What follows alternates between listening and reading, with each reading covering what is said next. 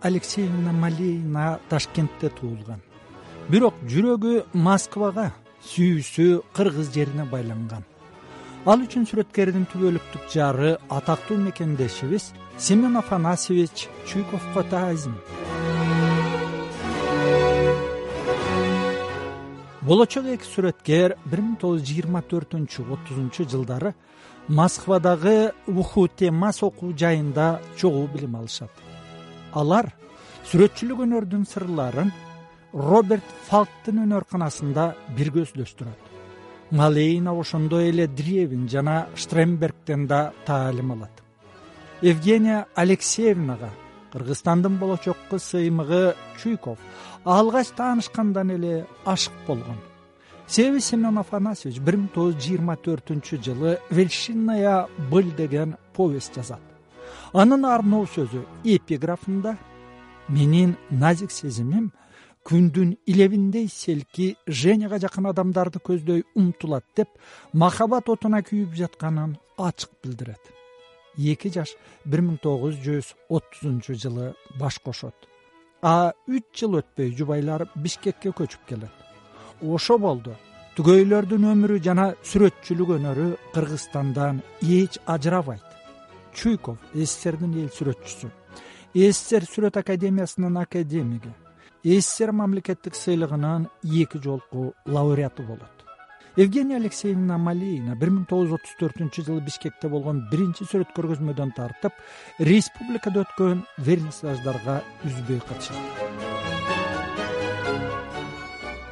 евгения малеина түстөрдүн айкашын өңдөрдүн өз ара катнашын жана кубулуусун ыраңдардын гаммасын өз картиналарында өтө кылдат берет.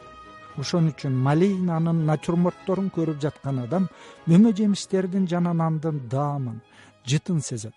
Дейт бишкектеги чуйковдун мемориалдык үй музейинин башчысы марина евгеньевна закревская когда смотришь на виноград то такое впечатление что евгения алексеевна тарткан жүзүмдү карасаңыз жүзүмдүн сары алтындай мөмөлөрү ичине чок салып койгондой нурланат.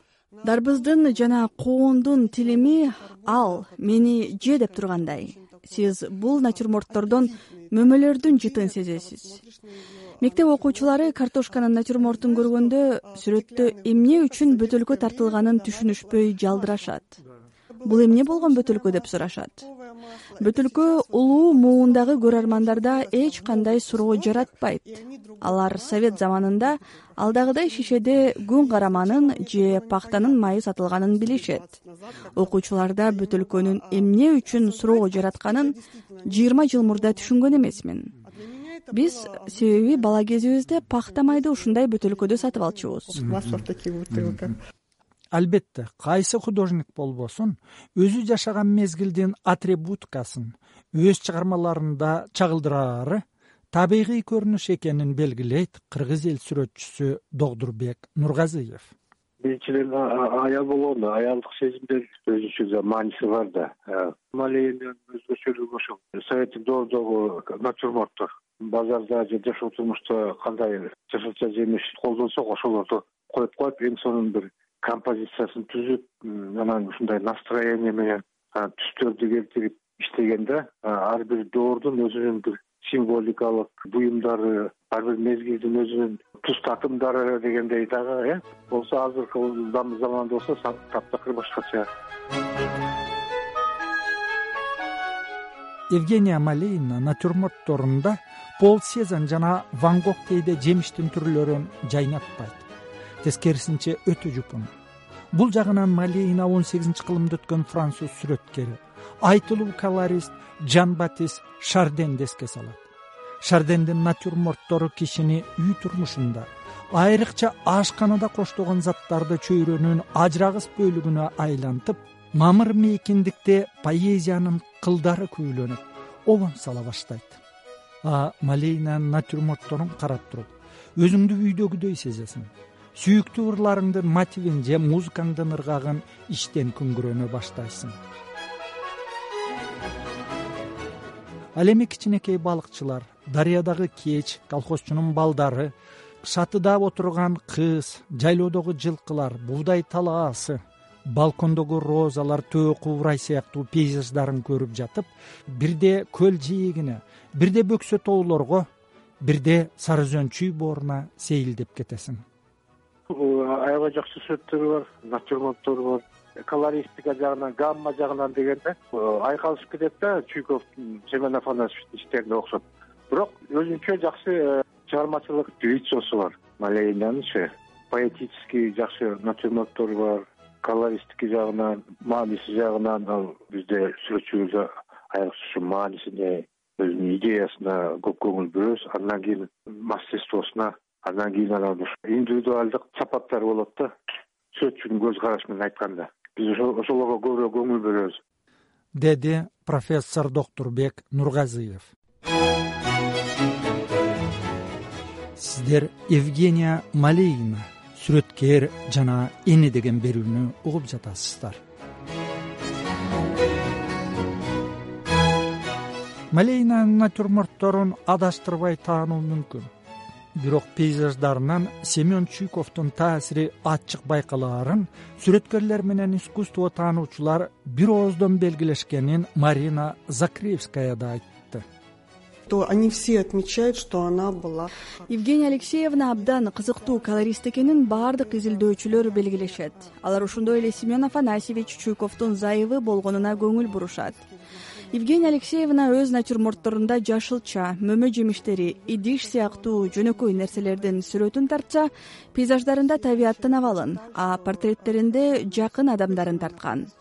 Евгения алексеевна акылдуу аял катары дайыма күйөөсүнүн көлөкөсүндө жүргөн. Ошон үчүн көпчүлүк малейина атактуу чуйковдун жубайы экенин абдан кызыктуу живописчи экенин билбейт. Вообще очень интересный живописец евгения малейина бирок живописчи ирети чуйковду туурабайт.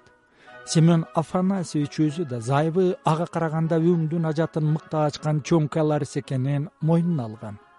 Сүрөткер эрди зайыптардын чеберчилигиндеги өзгөчөлүктөрүн кыргыз эл сүрөтчүсү асекен бейшенов мындай деп түшүндүрдү. Малейина семен афанасьевичтин жолдошу болгон. Экөө бирге жүрүп бирге иштеп дегендей менин оюмча мындай жагы бар да семен афанасьевич абдан э, бийик деңгээлге жеткен сүрөтчү да сыймыгыбыз кыргыз кызы деген сүрөтү китеп кармаган. Ал эми биздин символ болуп калды да кыргызстандын. Анан ошол эле кезде аялы малейина бир жагынан э, семен афасьевичтин көлөкөсүндө калгандай болот. Эмчин дегенде көбү аны тааныбайт аны билбейт ал эми чыныгы сүрөтчүлөр билет түшүнөт. Эмчин дегенде кээ бир жагынан анын жөндөмдүүлүгү мына живопись жагынан мүмкүн семен афанасьевичтен да ашып кетиши мүмкүн.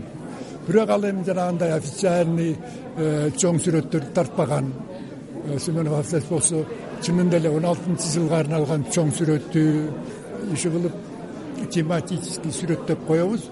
Ошондой сүрөттөрү менен атагы чыкканда индиядан серияны жазып келгенден кийин. Малейина болсо э, көбүнчө натюрморт дейли. Натюрморт дегени баягы анча көзгө көрүнбөгөн дегендей да. А жана сен айткандай баягы карапайым э, кедейчилик дегендей.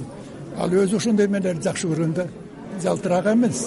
А жөнөкөй нан же болбосо жөнөкөй бир жемиштер анан анча көп эмес. Бирок ошонун ичинен кандайдыр бир ошо живописьтин маңызын чыгара тартканда ошо сүрөтчүлөр ошондой сүрөттөрдү баалайт дагы түшүнөт да. Евгения малейнанын натюрморттору көбүн эсе жөнөкөй кадимки бөлкө нан сарымсак шабдаалы анар банан тандыр нан кулпунай бадыраң алча коон коондун тилимдери дарбыз жана тилим дарбыздар шиңгил жүзүм роза гүлүн көрөбүз. Түркүн түскө боелгон жемиштер мемиреп көңүл көчүртөт художниктин сүрөттөрүндө нан эң алды тынч байгер турмуштун жашаанасы дасторкондун көркү арийне биреги натюрмортторду көргөн адам сүрөткер ашканасындагы такай колдонгон бычак чайнек пыяла дасторкон табактарды тартканын байкабай койбойт мунун өзү сүрөткер натюрмортторун лаззат менен жан ырахаты үчүн тартканын күбөлөйт ал эми стилдик жактан алганда малейна социалисттик реализм мектебинин бараандуу өкүлү дейт профессор нургазыев көп иштегенден ар бир сүрөтчүнүн өзүнүн өзгөчөлүктөрү ошолор менен таанымал таанымал болот да. Мисалы үчүн сезандын натюрмортторун алсак же тиги фальктын натюрмортторун алсак ар кайсы доордогу же болбосо голландецтердин натюрмортторун алсак ошол доорго байланыштуу ошол жашоо турмушка байланыштуу түсү э, дегендей да.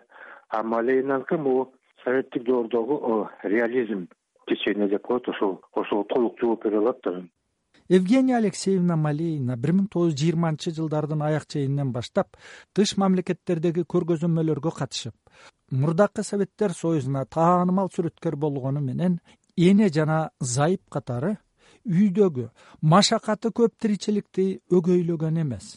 Мисалы кайсы бир журналист менен маектешип жатып эч кандай пафосу жок эле. Көп адамдар үйдөгү тиричилик чыгармачылыктан алаксытат деп эсептешет. Мындай сөзгө эч макул болбойм. Киши сөзсүз кимдир бирөөнү сүйүшү керек. Кимдир бирөөгө кам көрүш керек. Бул жашоого жардамдашат дейт эки уулдун энеси евгения алексеевна малейна мынтип оомалуу төкмөлүү дүйнөнүн шаан шөкөттүү салтанаттарына көз артпай жашоого каниеттеп эмгегинен баар тапкан алпейимжан гана айтаары бышык.